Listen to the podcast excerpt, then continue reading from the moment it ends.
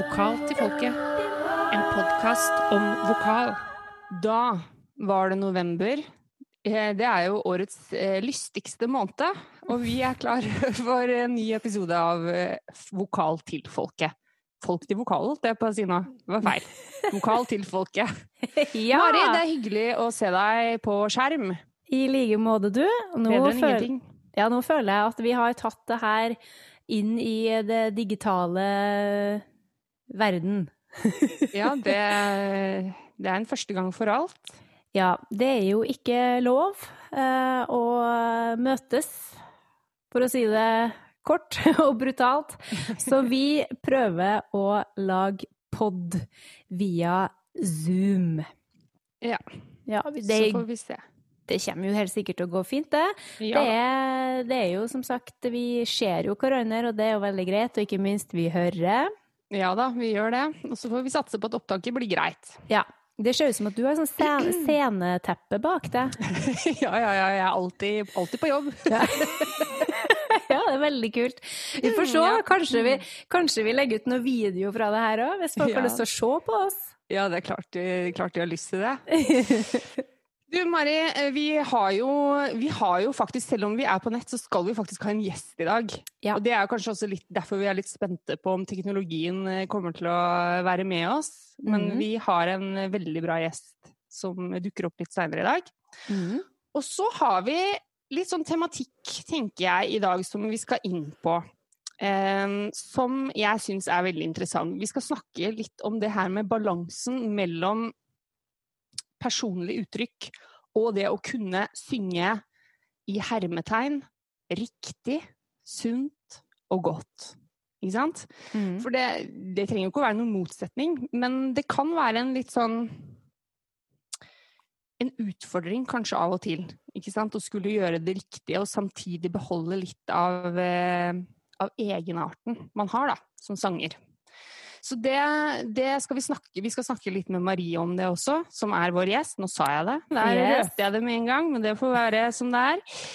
Um, men jeg tenkte at du og jeg også skal snakke litt om det med personlig uttrykk. Og vi har jo, vi har jo vært inne på det temaet før.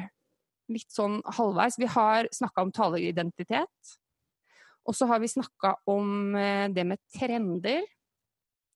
Og så har vi også vært innom det ordet som du og jeg ikke er så veldig glad i, eh, men som vi likevel har snakket om.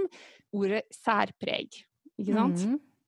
Og vi konkluderte vel egentlig, når vi snakka om det med særpreg, så konkluderte vi vel egentlig med at sånn vi oppfatter det, i de aller fleste tilfeller når det er snakk om ordet særpreg, så er det snakk om bevisste eller ubevisste valg som sangere gjør eh, når de synger.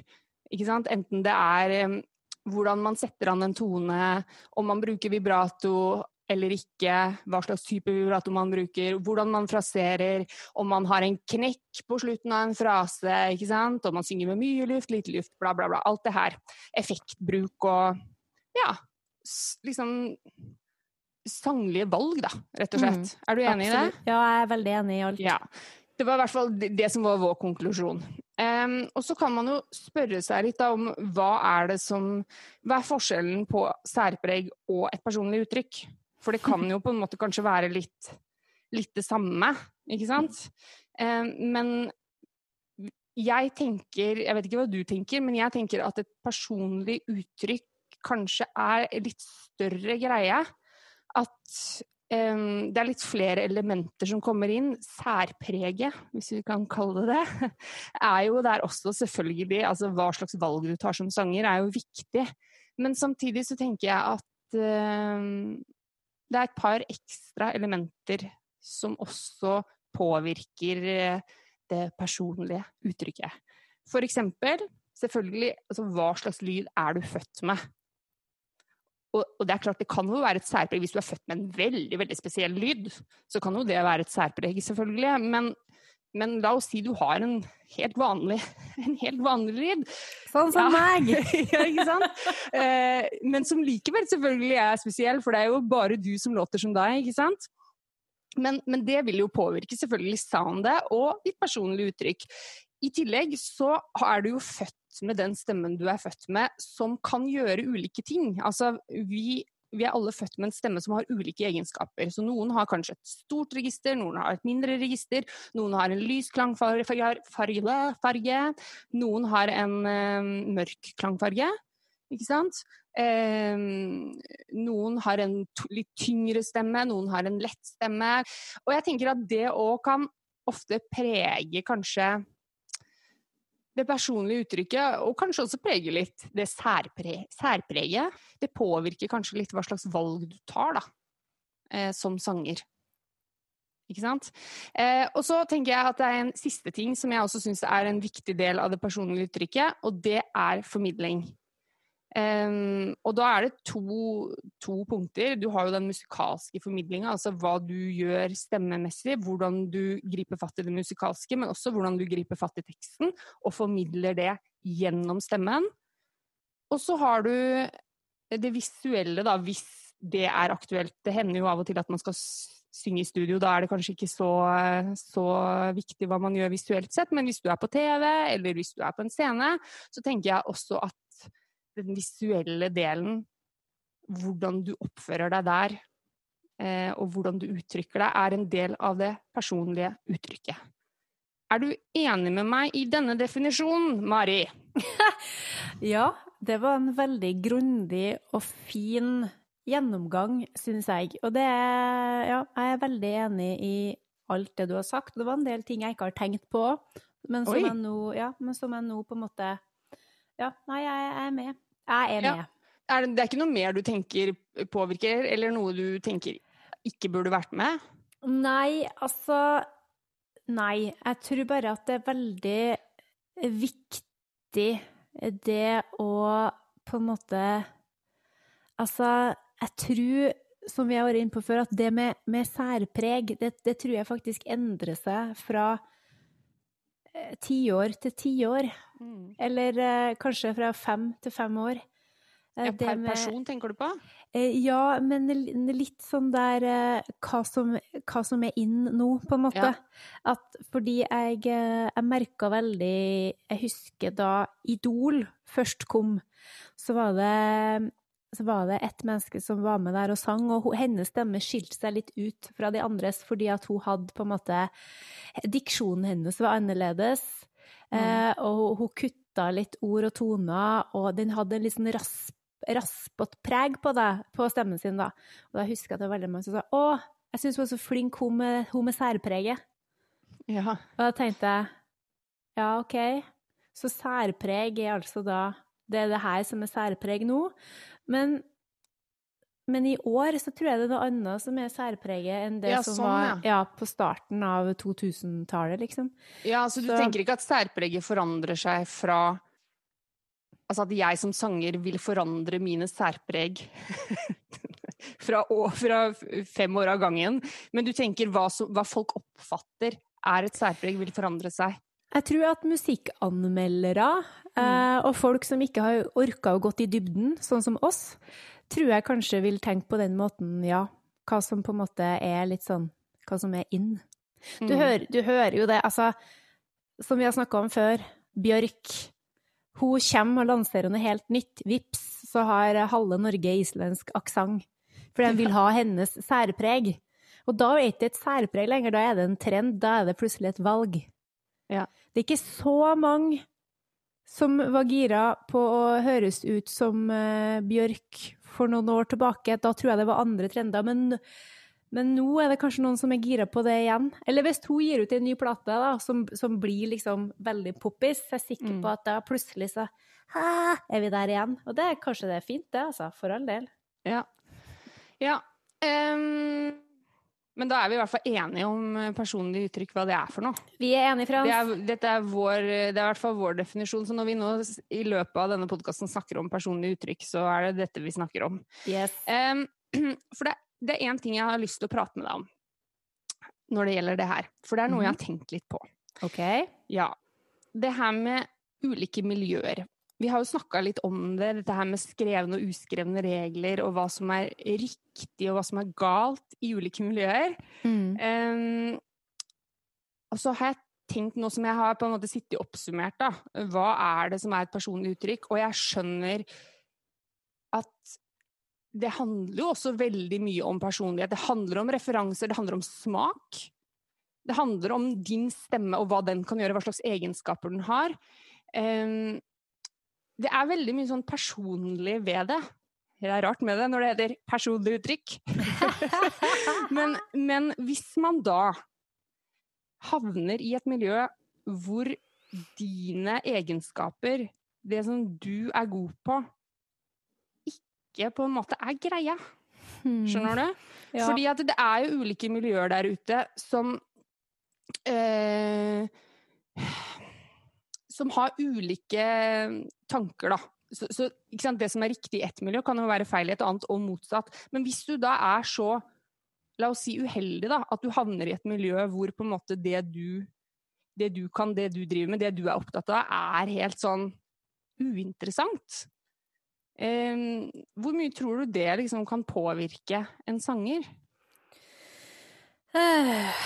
Det er vanskelige spørsmål jeg skal svare på. Eller motsatt. Det kan jo hende du er kjempeheldig òg, og, og får muligheten til å på en måte virkelig dyrke det du er god på i et miljø hvor det er mange som er gode på det samme, og du har mange å snakke med. Samtidig Ja. kanskje også mange å konkurrere med, så det kan jo være uheldig. Jeg vet ikke. Det er Ja. bare et sånn åpent, åpent spørsmål. Jo, takk. Uh, OK, da må, nå må jeg tenke litt sånn nå må, jeg, nå må jeg snakke mens jeg tenker, da. Ja da. Det gjør jeg jo hele tida, så ja, det er jo greit. Yes. Nei, jeg tenker jo at du er, du er veldig heldig hvis du, som for eksempel Hvis du vokser opp en plass der det er veldig mye jazz. Det er jazzklubber, og folk driver med jazzmusikk og, og spiller trompet og saksofon og sånn, og du vokser opp og har og liker musikken og har den interessen, eh, og du får bli med og spille med lokale jazzhelter, og det er liksom Det er et veldig sunt miljø for jazz. Så tenker jeg at det er en utrolig styrke. Altså, da får du med deg en belast både sånn musikkhistorisk og kompetansemessig. ikke sant? Det er litt sånn at hvis du, hvis du vokser opp i ei bygd der alle sammen driver med langrenn, og du er, har eh, egenskaper for å bli god Du har god ski. ja, du har ski, og du har gode egenskaper i eh, langrennssporten, så det er selvfølgelig kjempebra. Eh, Men hvis du for eksempel Hvis du er veldig, veldig gira på Hvis du er veldig gira på, på å spille elgitar og synge som Bruce Springsteen, men du vokser opp i et miljø der folk driver med, med Mozart og Bach, og syns at rockemusikk er djevelens verk, da klart da er det tungt. Da skal du ha en enorm vilje for å faktisk gidde å holde på.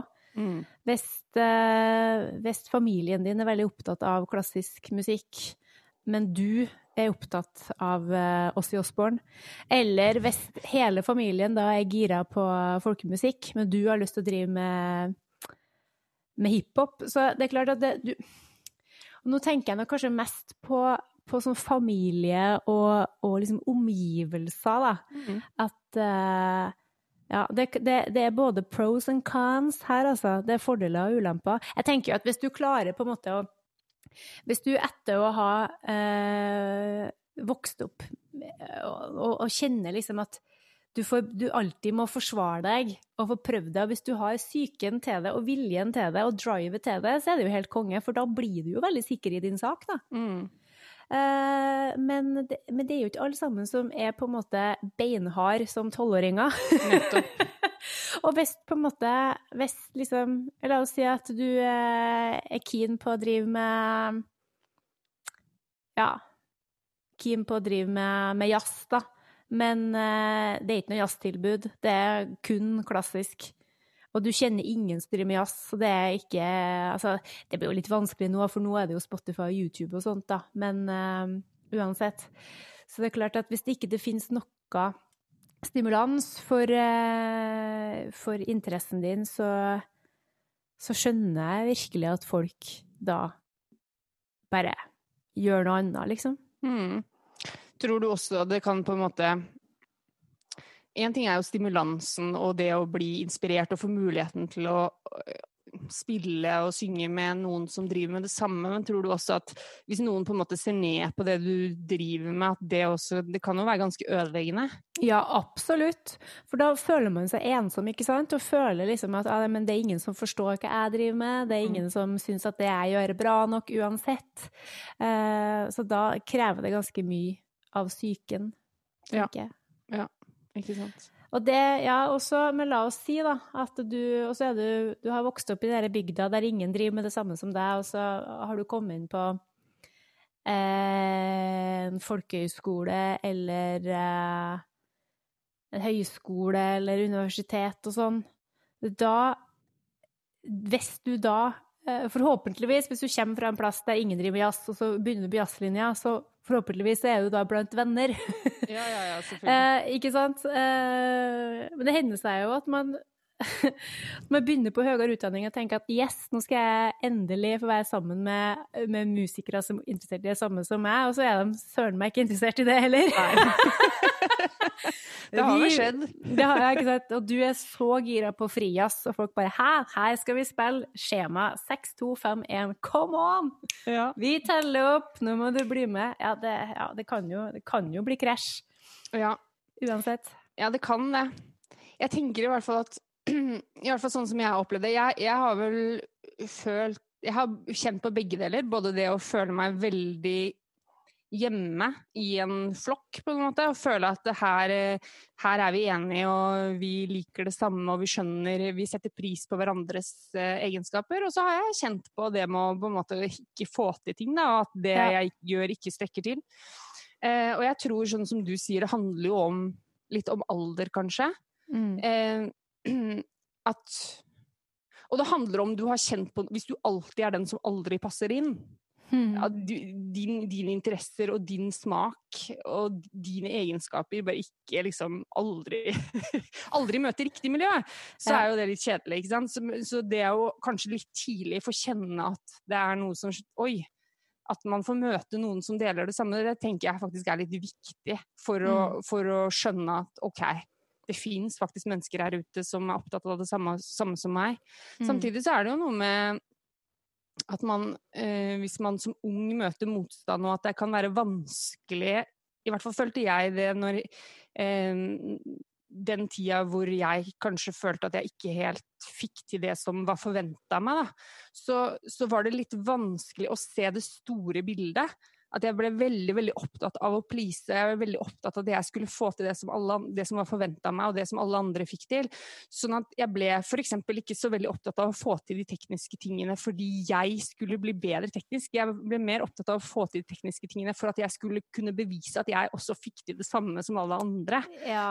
Og det er på en måte litt faren ved det, tenker jeg. At når man er ung, da, at man kanskje ikke ser ja, man blir, man blir, like opptatt av å please andre som, som å jobbe for seg selv.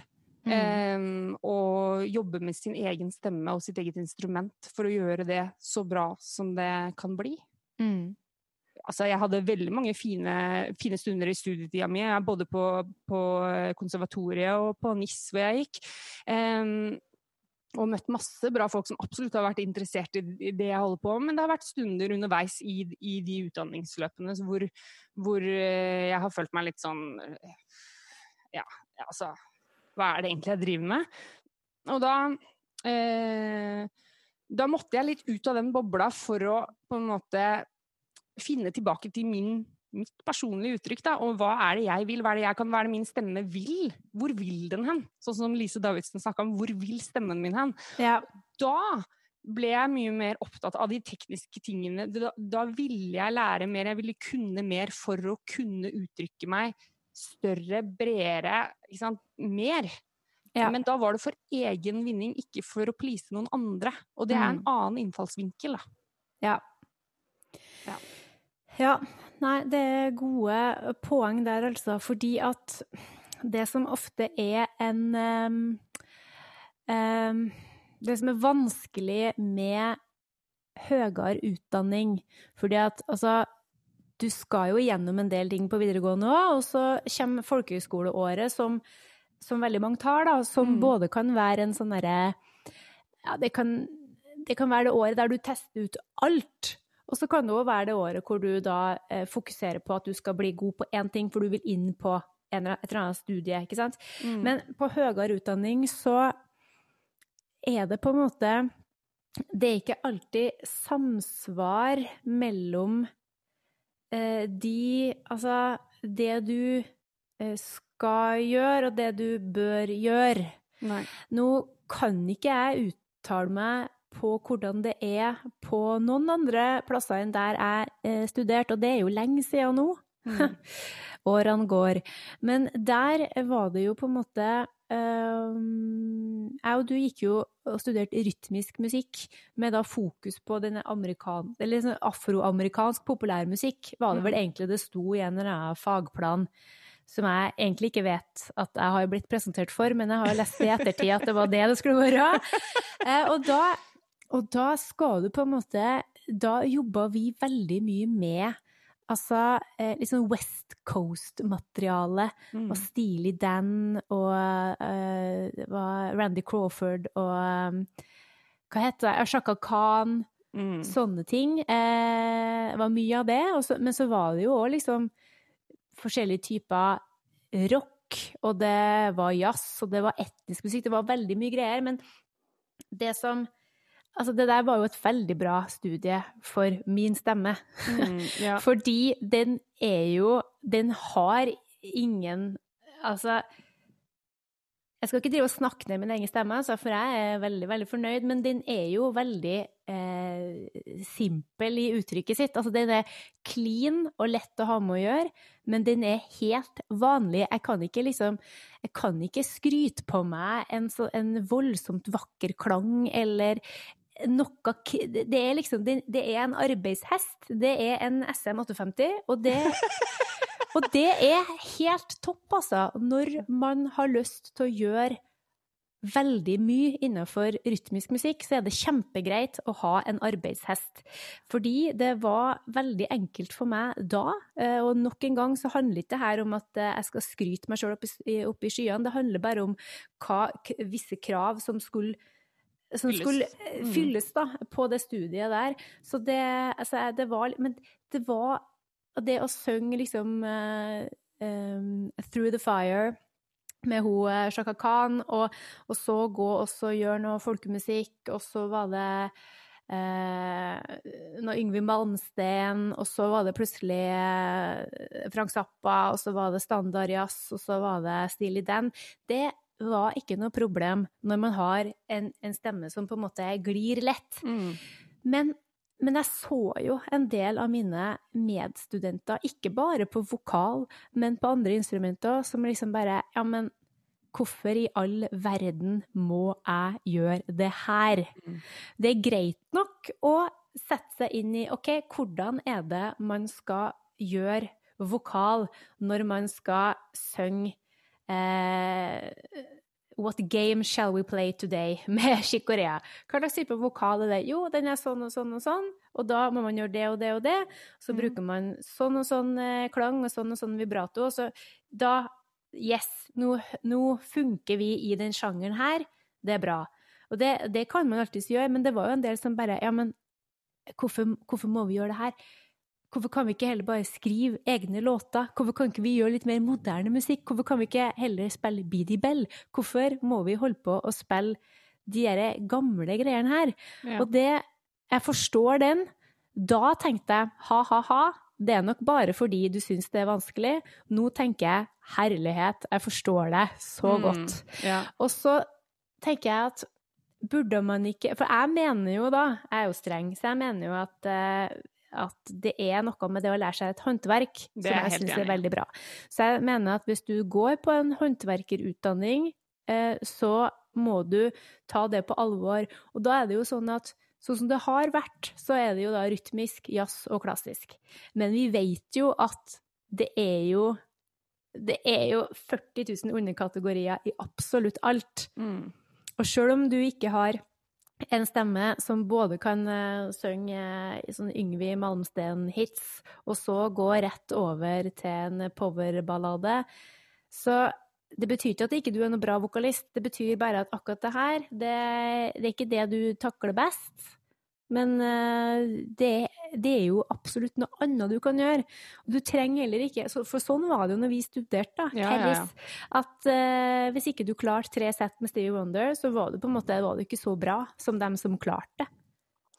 Ja, det, men det er, ja, det er sånne Det jeg kanskje syns Når jeg tenker tilbake på akkurat det der, og syns er mest problematisk, er vel kanskje det med hva er mer verdt enn noe annet. Ja. Det synes jeg, For jeg er helt enig med deg at man skal lære seg et håndverk, og jeg er helt enig i at man må forstå at hvis man skal hvis man skal gjøre en musikalrolle, så er det visse kriterier innenfor den og den. Man kan igjen påvirke med sitt personlige uttrykk og tolke en rolle på ulik måte. Det er lov.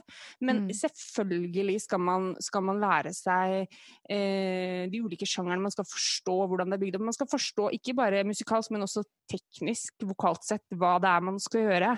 Men problemet, syns jeg, som ofte, det som ofte kan skje i sånne luk, litt lukka miljø, da, for å si det sånn. De Man er jo en boble, og det er helt sånn blir det. Og så er det så er, handler det om hvem er det som går der akkurat da. Hva er det de er mest opptatt av? Hva er det majoriteten er opptatt av? Jeg syns det er problematisk når det er sånn at det, hvis, hvis, det er en sanger som er en dritbra artist da, som skriver bra låter og mm. synger mm. låtene sine bra og har fokuset der, så ja. syns jeg ikke det skal være mindre verdt enn å kunne gjøre tre sett med Steve Wonder. Altså, det er også fett, liksom. Og motsatt. At, ja. at jeg skrev ikke låter når jeg gikk på konsen. Syns det var kjempevanskelig. Syntes det var helt ja. grusomt vanskelig å, ikke, å, være en vokalist som ikke skrev egne låter.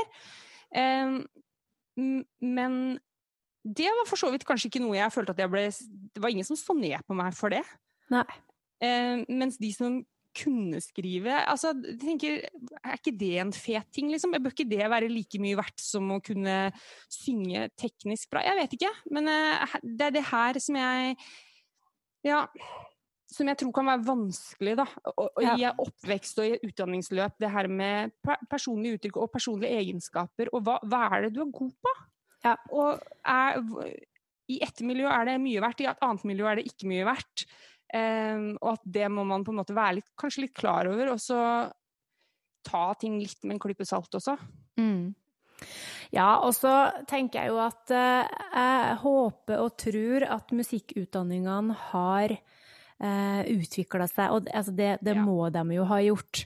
Uh, og jeg må jo si det, da, at um, det var veldig greit å på en måte å, å ta en, en bachelor eh, i rytmisk musikk, da, og på en måte kose seg i alle sjangrene og sånn, men, men, så møter man jo på et sånn derre Iallfall hvis du vil videre, da, sånn som jeg ville.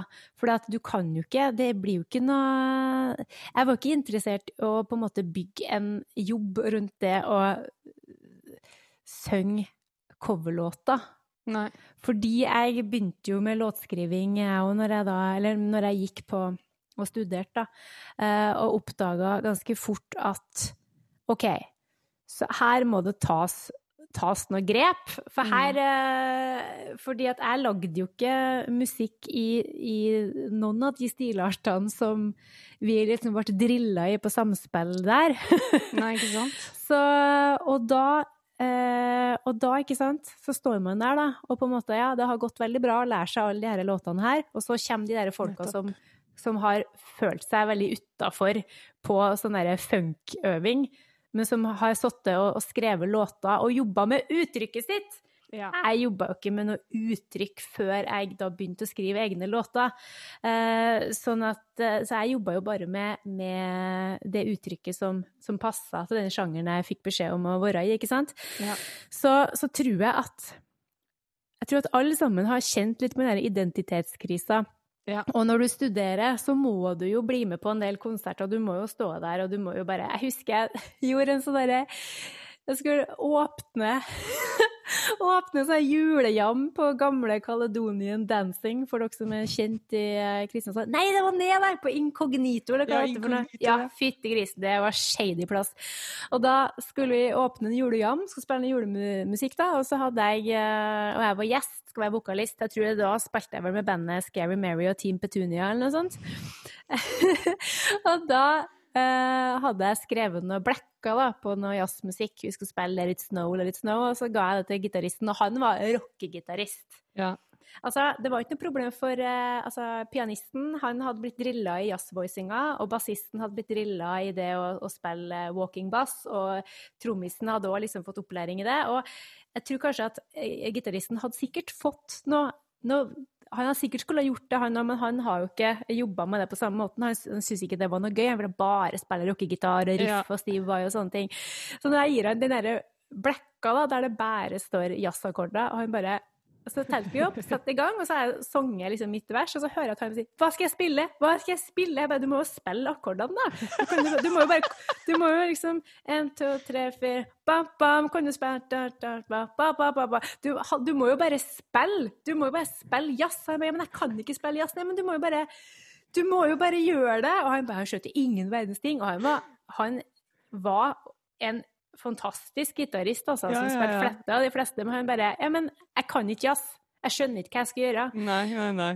Og det, det at han bare står der og liksom ser på gitaren som om det er et sånt fremmedlegeme. Bare Hva skal jeg gjøre? Hva skal jeg gjøre nå? Ja. Og det, men da tenkte jeg OK, ikke sant? Men han vet ikke hva han skal gjøre. Han er en Nei. dritgod musiker. Han er helt fantastisk bra. Musikalsk som bare det. Men han, det her er en, han, det er en sjanger han ikke får til. Og så etter at han har lidd seg gjennom det, så var det selvfølgelig rockejam, og det var liksom fullstendig bombe Ja, ja, ja. bananas, liksom. Og sånn er, jo, sånn er det jo av og til for sangere òg, at det er jo noen som, som på en måte kan fake seg til det meste. Eh, Og så er det noen som bare OK, men det her går ikke. Ja. Og jeg tenker at det må nå være greit.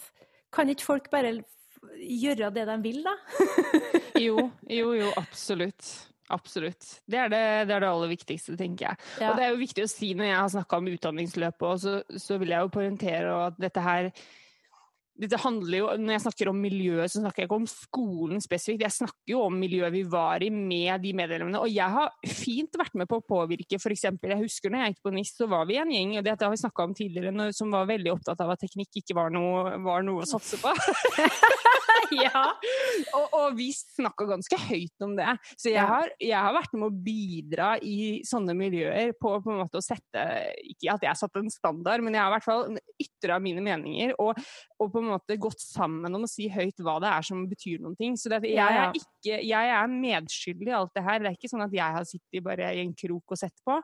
Eh, men ikke sant? Sånn at men, men, eh, men jeg, jeg har vel kanskje inntrykk, sånn som, sånn som du sier, at det har skjedd litt grann ting. Det har blitt For det første har mange av utdanningene, musikkutdanningene nå, i hvert fall på det rytmiske feltet, blitt større. Det har blitt flere felt, ikke sant. Og at det er litt mer spissa, sånn at man kan gå og studere låtskriving. Man kan gå, eh, gå og jobbe med mer eh, produsentting, f.eks., hvis man ønsker det. ikke sant? Man kan gå PED. Det fins flere veier til rom, da.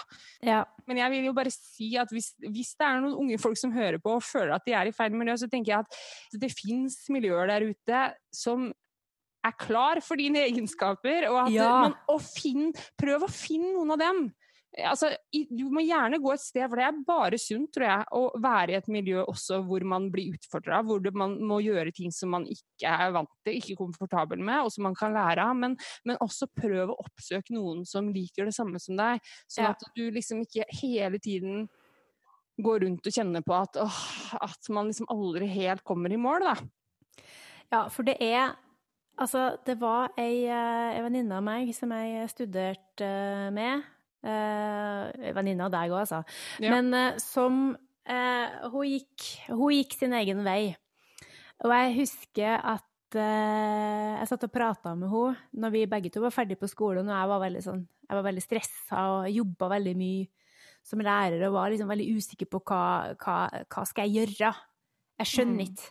Jeg skjønner ikke hva det er jeg skal gjøre, jeg forstår ikke hva, hva slags musikk jeg skal drive med, for det er så mye som, som jeg får til, og det er, jeg, bare, jeg skjønner ingenting. Jeg forstår ikke hvordan jeg skal klare å, Å velge. Pa, å passe inn, eller velge.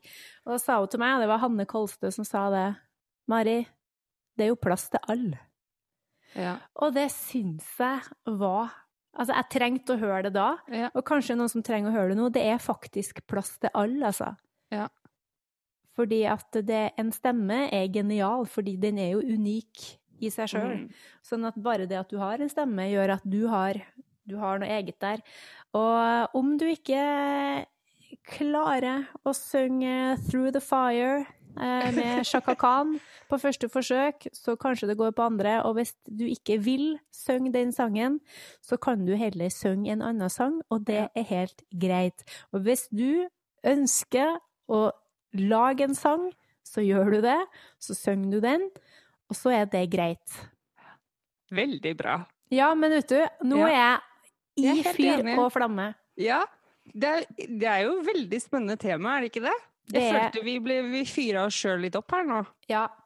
Og jeg tenker jo det at nå har vi snakka veldig mye om utdanning og finne sin plass og sånn. Jeg kan bare tenke meg hvordan det er hvis man på en måte Hvis man kanskje ikke har tatt noe, noe sangutdanning, da, men mm. allikevel er, er sanger og lever av å synge, da kan man jo òg liksom bli forvirra oppi alt viraken. Da kan man bli forvirra.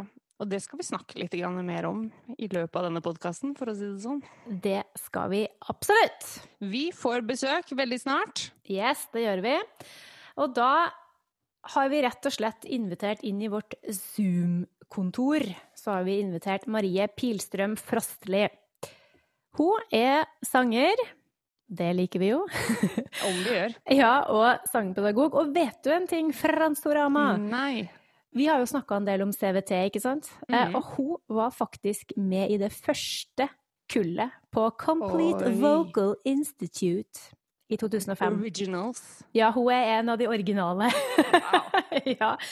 Og hun har jo jobba som sanger og korist for veldig mange artister, og på ulike TV-program.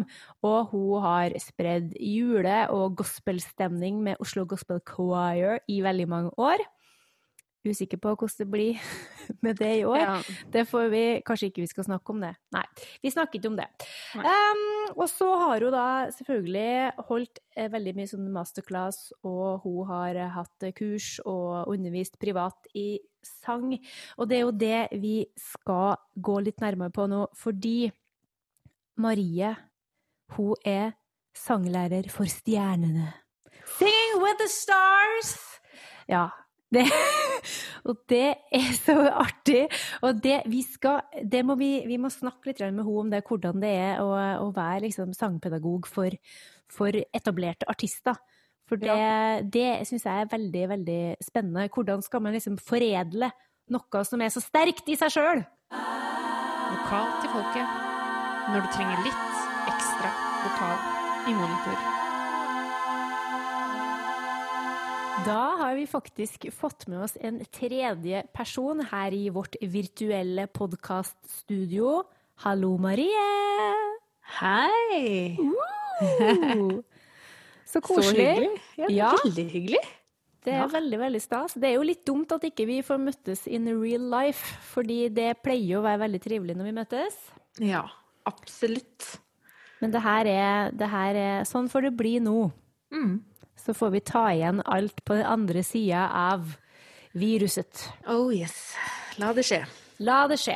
Du, altså, jeg har jo nettopp eh, presentert deg som eh, sanglærer for stjernene! Eh, eh. Og Du satt det på engelsk, så det Ja. kanskje enda kulere ut. teacher for the stars! Ja da, jeg kan ta det på mange språk. Men du, hva, hva er det egentlig det betyr? Bortsett fra at det høres veldig proft ut. Oi, oi, oi. Ja, det høres, det høres jo veldig proft ut. Nei, altså Ja, det er jo Altså, de siste åra så har det vel liksom blitt sånn at jeg At jeg har At jeg jobber mye med, med artister og profesjonelle sangere. Um, I hvert fall de siste ti åra, kanskje. Men hvordan det liksom det hele startet, så må man liksom Da må jeg liksom ta dere litt tilbake i tid. Gjerne. Ja. Fordi at det, det er jo ikke sånn at man plutselig bare begynner å jobbe med artister, på en måte. Um, men det var jo slik at jeg ehm, Når var dette? Jo, rett og slett, det var jo i 2004-ish, da. At jeg uh, hadde jo da uh, bodde, altså bodde i Oslo, hadde studert eh, på Staffels gatemusikk. Den gangen så var det jo bibelskole og, og musikk og kristendom grunnfag, som det het den gangen. Og så hadde jeg jobba noen år rett og slett som korist og sanger, liksom, bare sånn frilans. Så husker jeg satt en kveld og, og eh, bare liksom googla meg litt sånn rundt eh, ut av Oslo. Jeg hadde så lyst å bo et annet sted en periode. Det var liksom mitt utgangspunkt. Og jeg liksom drømte meg liksom til København, da. Så jeg husker jeg googla vokal og København, liksom. Og da dukka det opp noe helt nytt, da. Og det var jo dette altså Complete Vocal Institute, altså CVT eller CVI, eller denne teknikken fra København, da, sangteknikken. Og som jeg egentlig ikke visste noen ting om. Men da skulle, den, da skulle det starte eh, en helt ny utdannelse i 2005. Som jeg rett og slett eh, ikke visste noe om. Slang meg av gårde. Jeg tenkte yes, jeg vil bo i København. Og da tenkte jeg i utgangspunktet at jeg skulle gjøre det i et halvt år. Eh, og da skulle jeg gå noe som heter Akademiet der nede, da, som på en måte er en sånn, eh, et, et, kurs på en måte over et halvt år eller fire måneder. da. Men for å ikke gjøre denne historien himla lang, så ble det jo til at eh, jeg ble jo der i tre og et halvt år og på en måte tok eh, denne utdannelsen komplett sangteknikk, da. Um, og det, dette var i 2005. Og, og før det dro, dro dit, da, så jobba jeg som sagt som korist og sanger. Og da, da jobba jeg for del, en del artister og sånn, som korist. Uh, og jobba litt i studio med folk og sånn. Så var, da var jeg liksom litt inne i artist... Uh, eller hva skal jeg si. um, så når jeg kom tilbake fra København da hadde lært meg dette her og, og, og, begynte å undervise, så ble det jo til at jeg på en måte gikk tilbake til de, at, til de kontaktene som jeg allerede hadde. Så det er på en måte det som har gjort at jeg liksom har kommet litt inn i denne At jeg jobber med artister, da. Tror jeg. Mm. Ja. Um, ja. Altså, det er jo Det høres litt sånn eh, altså For meg så er det jo viktig å si da, det er ikke viktig for meg at det der er liksom eh, stjernene jeg jobber med. Nei, det, det, det, er bare vi ja. som fyrer opp under det. Altså. Det, så det, det, må folk bare altså, Du har jo ikke sagt så mye om det. Det er jo vi som bare syns det er så gøy. Men det er jo litt sånn at, eh, at, selvfølgelig så er jeg jo litt sånn heldig at jeg kan liksom velge litt hvem jeg har lyst til å jobbe med. Så er det jo veldig interessant å jobbe med de som har Som på en måte jobber med dette daglig, da. Det er jo de som liksom trenger det først og fremst. og Det er liksom derfor jeg liksom alltid prioriterer de profesjonelle. Og så, så, jobber jeg gjerne med også andre sangere, hvis jeg har tid til det hvis det er noe som på en måte interesserer meg eller tar min oppmerksomhet, som jeg har lyst til å jobbe med folk. Så det er ikke det at det må, det må være sånne kjendiser som folk vet hvem er og sånn. Det er ikke viktig for meg. Men det er veldig gøy for meg når det er en sånn case som eh, jeg skal fikse. Ja. Å, så spennende! Ja. Men du har jo fortalt meg at du har jo, du har jo vært med sånn hvor du har blitt innkalt til sånn øyeblikkelig hjelp også? Tidligere, har du ikke det? Jo da. Ja.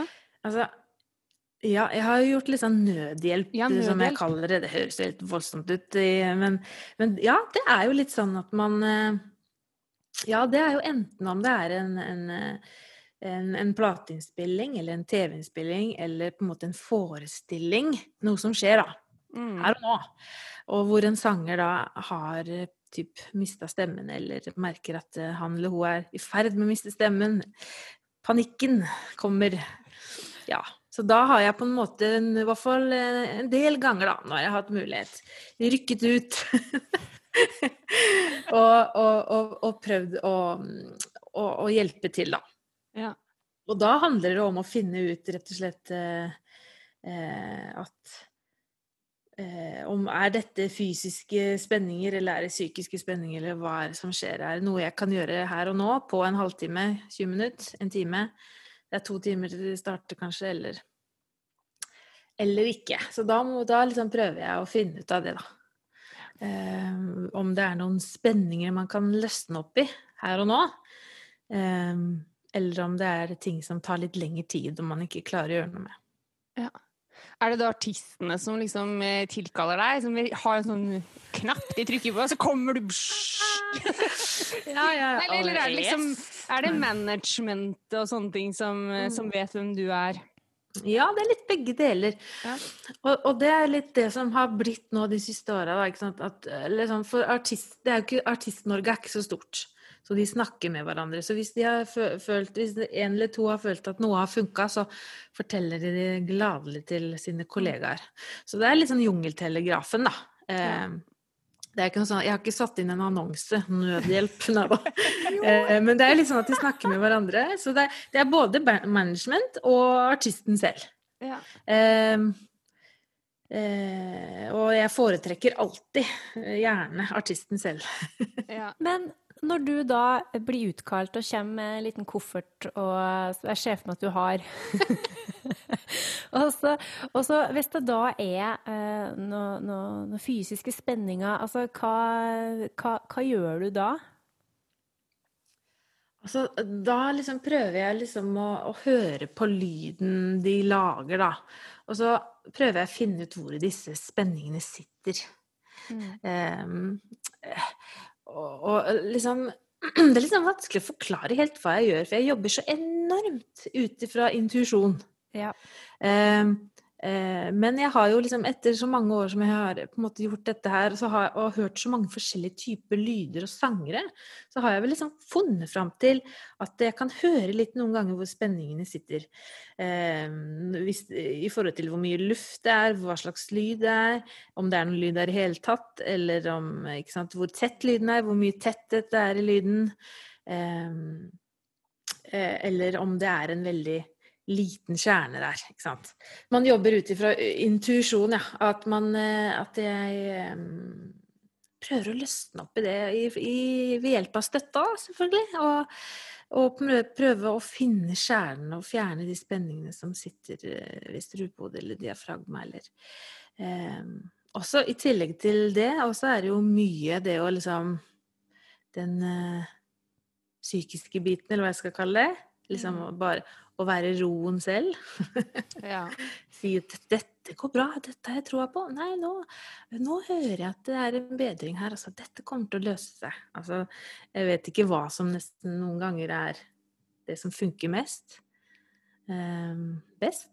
uh, så det er, men det er, jeg tror det er en god kombinasjon, da. Det å på en måte være uh, et trygt, rolig menneske som kommer inn og, Ja. Og, og senker litt roen. Og prøver å, å, å samle stemmen litt og se om vi kan få den tilbake. Ja. Noen ganger så går det, noen ganger så går det ikke. Ja. Ja. Jeg har til og med dratt over til liksom BBC London for å gjøre dette her sånn rett før en, en en, et talkshow der med en artist, ikke sant. Da skal man jo ha Vet ikke. Det gikk, det gikk jo på et vis, men eh, ja.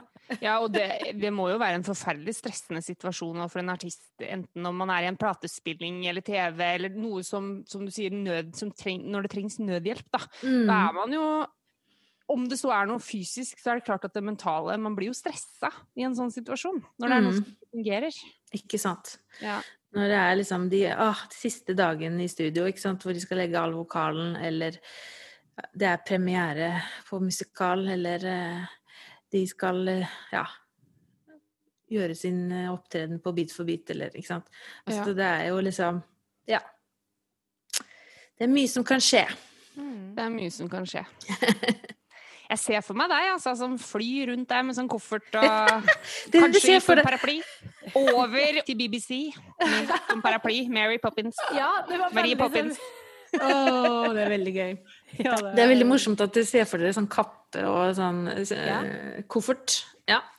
Jeg har verken kapp, kappe eller koffert, men eh, ja. Gjør mitt beste. Koffert med noe fonasjonsrør og noe greier. Litt av Det syns jeg du bør ha. Ja, kanskje det. En logo og litt sånn. Ja, det må du, det må Ta det litt ut. Ja. Ja, ja. Men så har du, eh, har du noen artister som du har jobba med liksom, over lengre tid? Over liksom ja, lengre perioder, eller? Mm, det har jeg. Det, det er noen jeg på en måte eh, har jobba med over flere år. Um, eh, absolutt, det, det er det. Men, men de fleste det, andre jeg jobber med, jobber med litt sånn i kortere perioder. Så det er jo liksom enten gjerne i forkant av en innspilling, eller i forkant av en lang turné, eller at det er i forbindelse med noen stemmeproblemer, da. Eh, så det er gjerne de tre tinga. Eh, eller at de bare ikke sant, at de, ja, at de gjerne vil forberede seg godt eh, til, til noe de skal gjøre.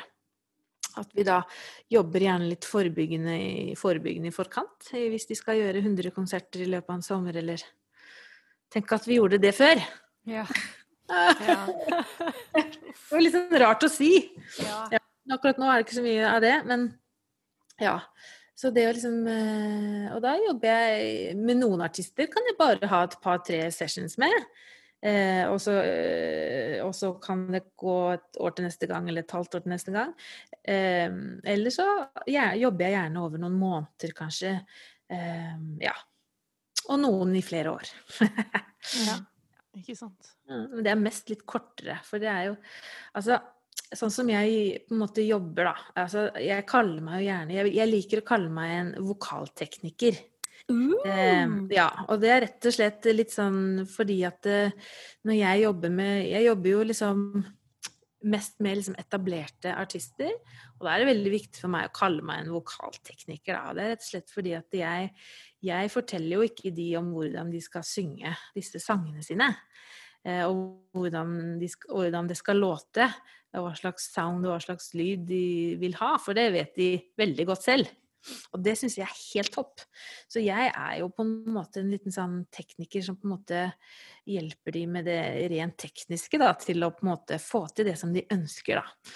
Eh, hvis det er liksom, en tone de liksom ah, får ikke liksom den Får ikke det trøkket jeg vil ha der, eller ikke sant. Jeg får ikke den varmen jeg vil ha her, eller Eller at de blir slitne, da, ikke sant. Og, og det kan også være de som har holdt på lenge, er jo gjerne det at de ikke klarer å synge låtene i originaltonearten lenger, og vil gjerne komme litt tilbake til det. Og det, det er noe jeg har gjort mye. Um, å jobbe med liksom de låtene som de sang for 20 år siden, som de, som de sliter med å gjøre, synge nå. Ja, ikke sant? ja. Det er sånn gøy! Det, ja, så, så, og det er egentlig veldig deilig, på en måte. Og det er kanskje det jeg føler at disse artistene har skjønt at jeg er ikke en sånn, holdt jeg på å si, vanlig sangpedagog, som kanskje mange artister er litt redde for. for um, som liksom skal forandre måten de synger på. Uh, men at jeg på en måte bare ønsker å gi de redskaper til at de skal få til det de vil. Da. Så jeg, jeg legger meg liksom aldri og liksom eh, jeg prøver aldri å forandre på en måte soundet eller måten de synger på, men selvfølgelig hvis, hvis jeg hører at noe av det er veldig eh, At jeg kan høre at det her klarer du ikke å, å, gjøre 50 konserter med, liksom. Du må forandre litt på grunnteknikken. Så er jeg jo tydelig på det, på en måte. For det er jo det som er litt min jobb, å, å, å hjelpe de til å gjøre det de skal gjøre. Alle konsertene de skal gjøre. Mm. Mm. Dette er jo veldig innenfor temaet vi har snakka om eh, tidligere i dag, med, med liksom personlig identitet og personlig uttrykk kontra den Eller den balansegangen mellom å gjøre ting riktig, da. Mm. Og sunt og, sunt og godt. Eh, og jeg, tror, jeg, er veldig enig med deg i det du sier, for jeg tror også at det er veldig mange som, som er redde for å gå til sangpedagog, for de er redd for at det skal bli skrelt bort. Noe Ja, ja, ja. av det egne uttrykket. Mm. Det, ja, det er viktig å være litt klar over, tenker jeg, som, som sangpedagog òg. Eller sangteknikk Hva kalte du deg? Stemmeteknikk? Vokaltekniker. Takk. Vokaltekniker. Ja. ja, at uh, at det kanskje er litt for forskjell, da. Hvis man skal gå en skole og man skal gjennom en fagplan, f.eks., og det, man skal lære seg ulike uttrykk, så er det én ting. Mens hvis man jobber med noe som allerede er etablert, så, så må man jobbe på en annen måte. Ja, man må rett og slett det.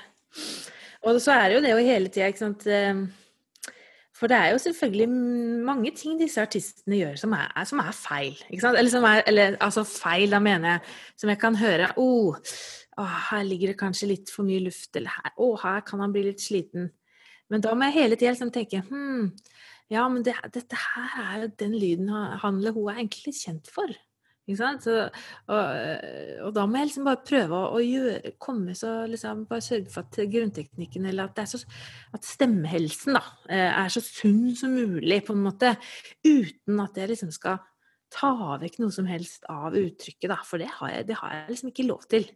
Um, og, og, og, det skal jo faktisk litt til nå før man på en måte ødelegger det, tenker jeg da. Det, det skal veldig mye til før man liksom tar vekk noe, noe sound, ikke sant. Altså, um, eller den lyden de er kjent for. Men det er noen ganger, f.eks. hvis de Hvis det er en sånn De har lagt til seg noen uvaner, da, typ.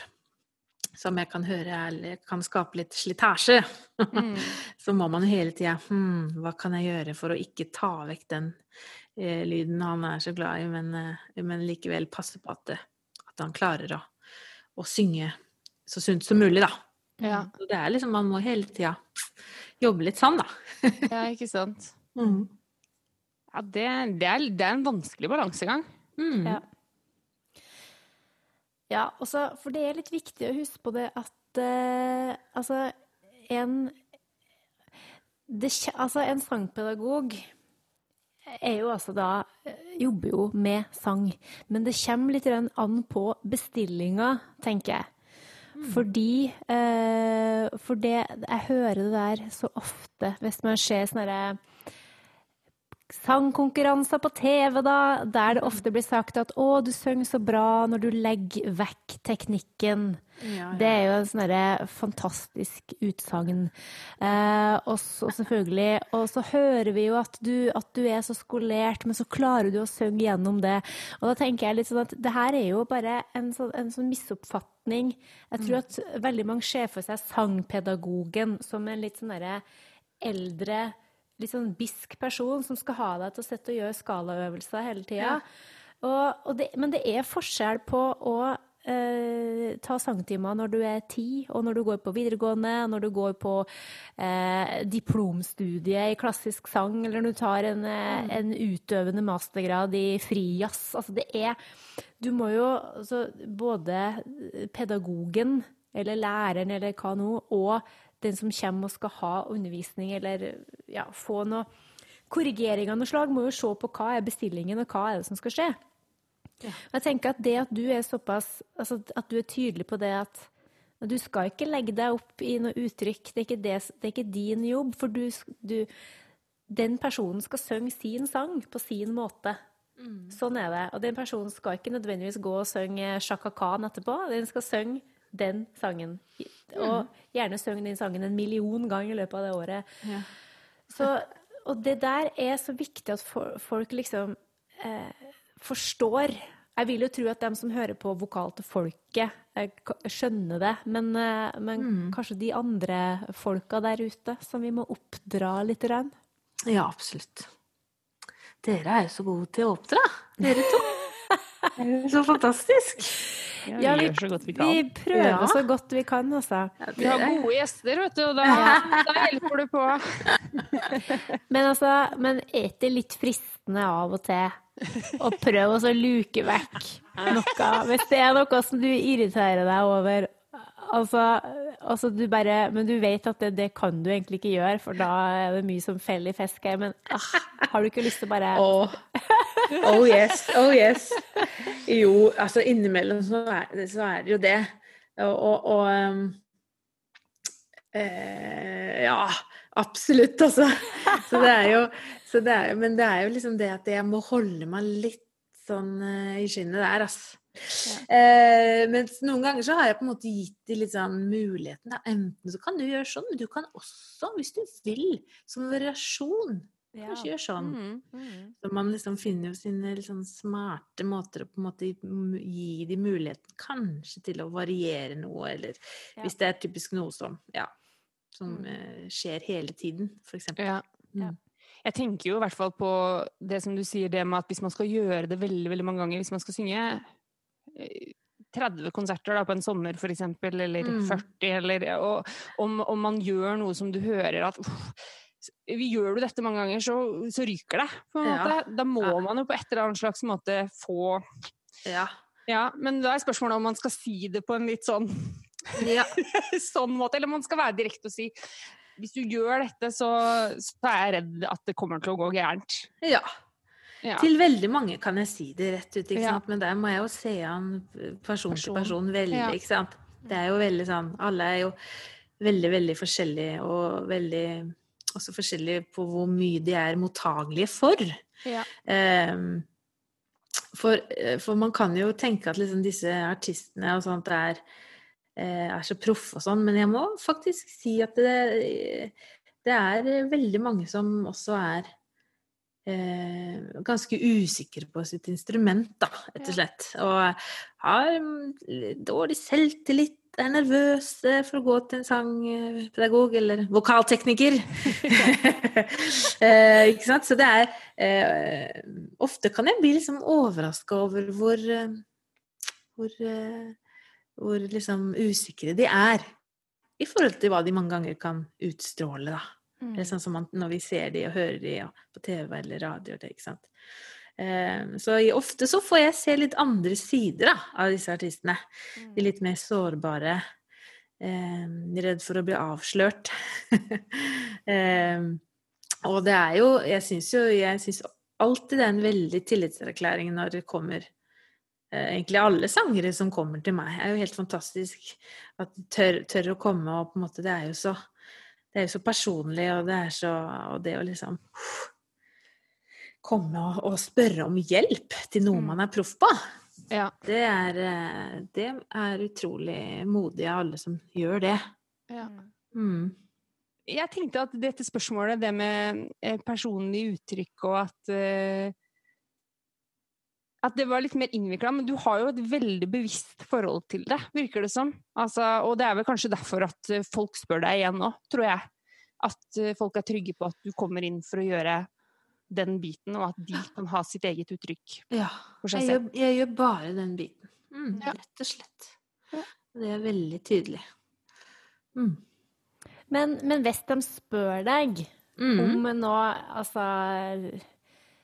Hvis de spør om noen konkrete øvelser for å bli bedre sanger, ikke nødvendigvis bare bli bedre på, på sine egne låter, men bare Å, jeg kunne tenkt meg å liksom jobbe meg oppover, sjøl om man kanskje bare synger der. Da, da gjør du vel det?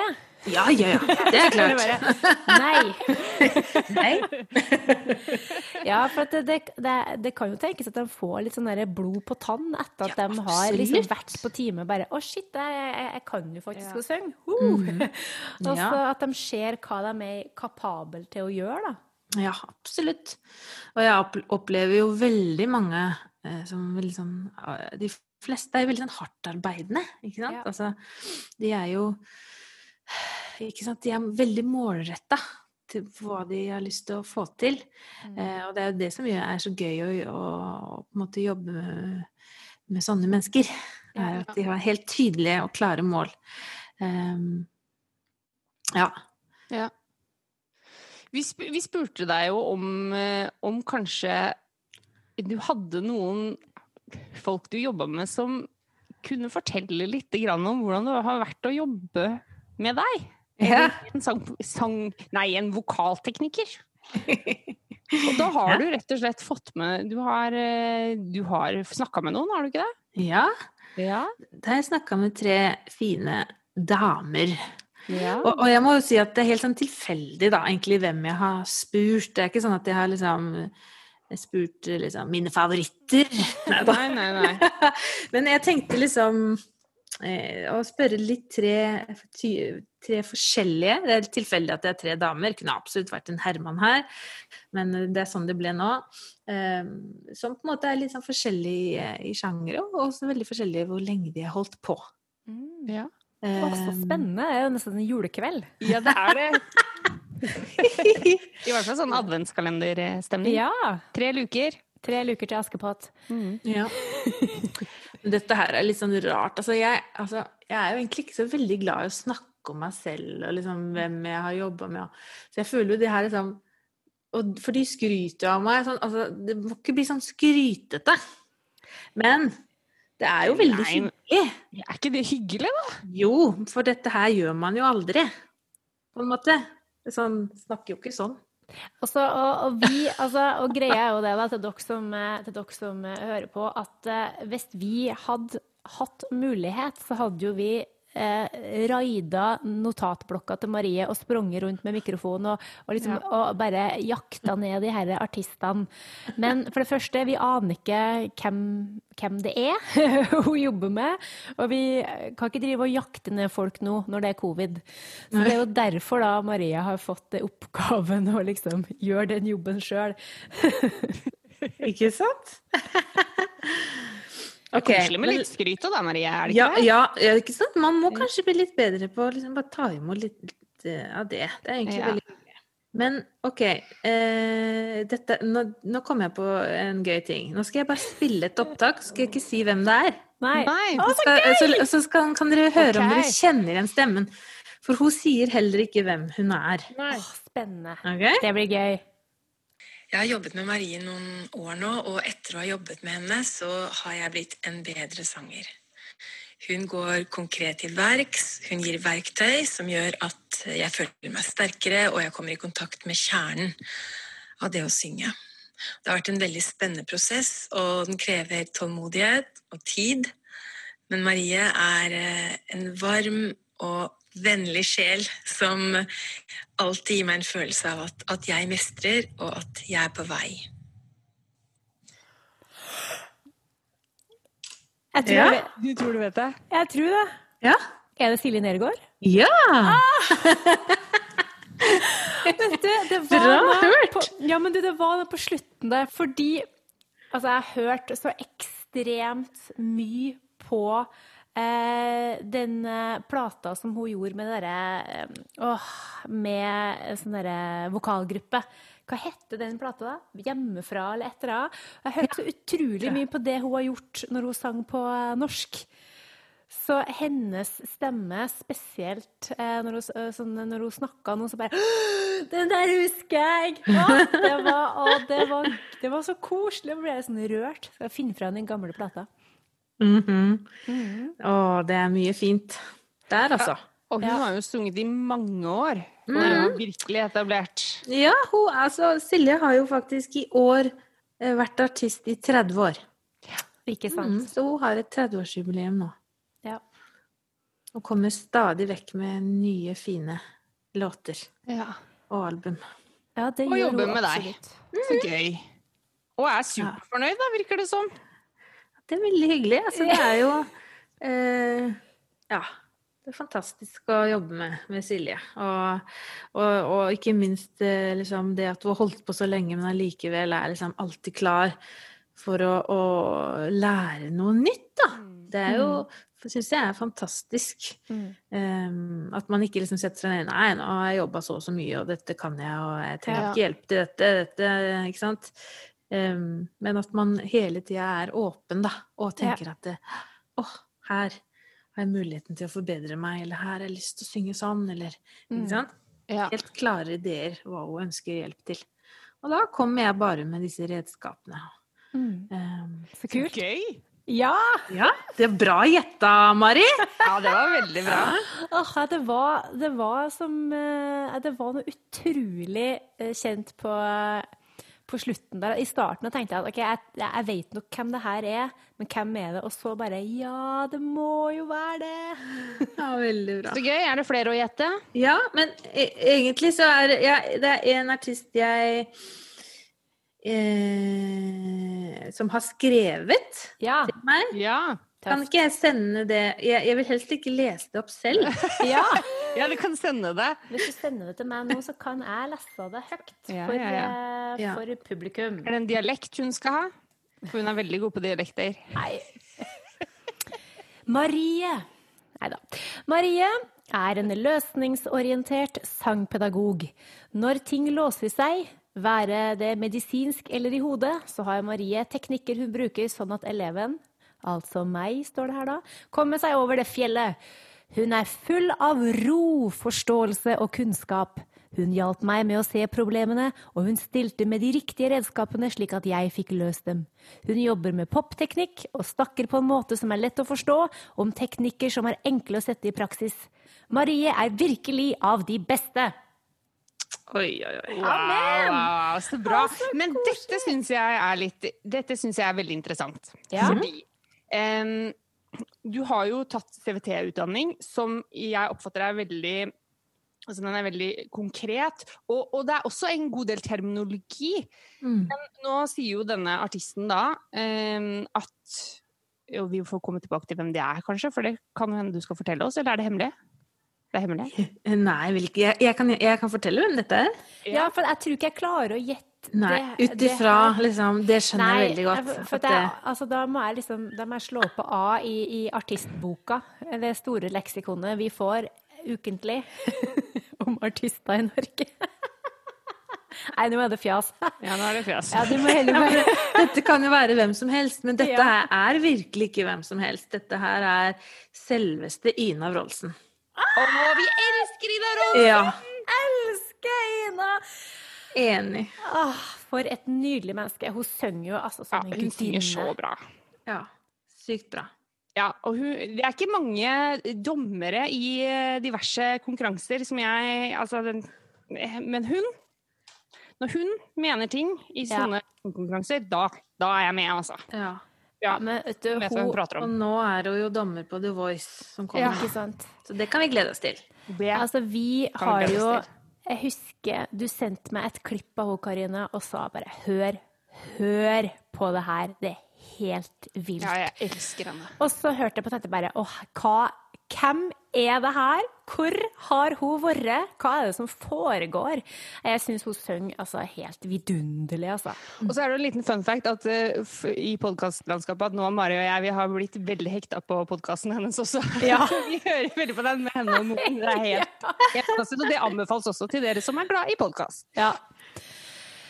Åh, nei, så gøy. Ja, men ikke sant? Men det jeg skulle spørre om, da, eller det eller, som jeg syns var interessant, er den kombinasjonen med CVT og at hun snakker om at du er god til å snakke med enkle ord. Ja. Og det tror jeg fort, når man har mye utdanning og man kan mye, så er det veldig lett å bruke ord og uttrykk, og, og at det kan bli litt vanskelig. Er det noe du er bevisst på? Ja, ak akkurat nå nå snakker du om det som er noe av det jeg kanskje er mest opptatt av. Ja. Alltid når jeg underviser. Er å gjøre det så enkelt som mulig. Ja. Eh, si minst mulig. Eh, og la de synge mest mulig. Eh, og, og, og liksom ikke komme med for mange ting. For er selvfølgelig Man kan jo, og det er eh, det er, altså Når man hører en sanger ikke sant, synge, så, og man er gira, ikke sant, så hører man jo tusen ting man kan jobbe med. ikke sant? Dere er jo sangpedagoger begge to. Man, kan, man hører hundre ting man kan ta tak i. Så er det liksom den, den eh, Noe som jeg tenker er liksom det viktigste for oss sangpedagoger, er å liksom finne de kanskje to viktigste tinga man starter med. liksom. Få roen, ta det helt rolig, starte med det viktigste, og ikke komme med for mye informasjon eller for mye ikke sant? Man, Noen ganger når man så blir man jo kanskje litt sånn at man har lyst til å vise at man kan mye. Ja. Men, men liksom Jeg merker at det liksom Det er ikke noe poeng. Man må bare eh, snakke om, om sang og om teknikk på en måte som alle forstår. Eh, eh, det er jeg kjempeopptatt av, Mm. Karina. Ja. Mm. Det er veldig bra. Ja. Ja, og det funker jo tydeligvis, da. ja, De det virker så. Ja. Så bra! Ina Bronsen. Ja. Og da tenker jeg det er greit. Ja. Ja, ja, ikke sant? Eh, Og det har vært fantastisk å jobbe med Ina. Det er jo um, når man er liksom Når man også i tillegg elsker sånn personlig stemmen hennes Ja. noe vanvittig, Mm. så er det jo um, gøy å høre at, at ting løsner, og hun får til det hun ønsker. Ja. Det er veldig gøy. Så gøy. Mm. Moro.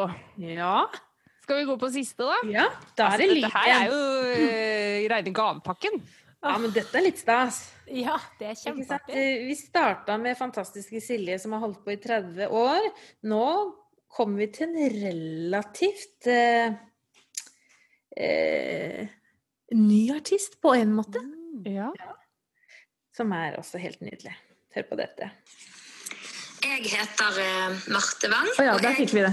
har gått til Marie uh, på flere ulike måter i min karriere. Jeg har både vært hos Marie i perioder hvor jeg har vært veldig sliten i stemmen, hvor jeg har trengt hjelp til å få gode teknikker til hvordan jeg kan faktisk klare å gjennomføre konserter. Men jeg har også vært Marie i for perioder hvor jeg skal spille inn eh, vokal i studio til platen min, hvor jeg har liksom trengt litt hjelp til hvordan jeg skal synge ulike ting. og og når man er litt mer etablert, så har i hvert fall jeg mer en sånn slags tanke om hvordan jeg vil at det skal låte, og, og det å få liksom input på hvordan jeg skal få det til å låte akkurat sånn som jeg, sånn som jeg har lyst til å ha det, det har vært helt fantastisk. Og så har det vært helt topp å få hjelp når jeg skal på lengre turneer. At jeg har hatt muligheten til å få med meg noen gode øvelser og um, ja, hvordan jeg rett og skal synge mine egne låter på en sunn og bærekraftig måte. All right. Kult. Altså, eh, Marte Wang òg har jo eh, Har jo virkelig en av de eh, flotteste Altså eh, Formidlingsstemmene, er det, det er ikke et ord. Men hvis du skjønner hva jeg mener, jeg syns hun formidler altså så utrolig nært, på en måte. Jeg Mm. syns, jeg, hun har, eh, jeg syns hun har en så utrolig fin, eh, fin stemme. Ja. Det må jeg si. Og jeg, eh, Helt vanvittig. jeg har jo hørt ganske mye på begge de platene hennes, og jeg eh, syns at Og det, det syns jeg er er ekstra artig når jeg hører at det har skjedd en, en, en utvikling sånn vokalt fra, liksom, fra ene plata til den neste. Og det syns jeg virkelig det har eh, på den siste plata hennes eh, nå. Så føler jeg liksom at hun har åpna opp enda et eh, rom. Mm. Så ja, nei, eh, det, det var veldig, veldig stas å, eh, å høre. Virkelig, altså. Jeg syns det er så eh, Det er så gøy å høre også det med at hun, er, hun vet hva hun vil ha. Ja. Og at du, og hun får din hjelp, sånn som du også sier at det, det er det du ønsker å gjøre. ikke sant? Men det der med at hun er bevisst på hva hun ønsker. Mm. Og så blir jeg jeg må si jeg generelt blir så glad jeg, for at eh, norske artister eh, får hjelp til å klare det de har lyst til å klare, og at de Mm. vil jobbe med stemmen sin, og at de er opptatt av det. Mm. Det er jo så bra. Ja, det, ja, det er helt fantastisk. Det er, eh, det er mye liksom, hardt arbeid bak lange turneer og altså Det er vanvittig. Og noen tenker, liksom, planlegger, ikke sant, tar kontakt med meg gjerne et eh, år i forkant noen ganger. ikke sant? Da skal jeg gjøre det. Mm. Eh, da blir det mye, liksom. Kan vi begynne å jobbe litt? Så det er utrolig mange Ja. som på en måte tenker forebyggende og tenker at eh, at de vil liksom gjøre det så bra som mulig for seg selv og for sitt publikum. Ja. Ja, ja det er gøy. Ja, det er veldig Det er veldig positivt, syns jeg.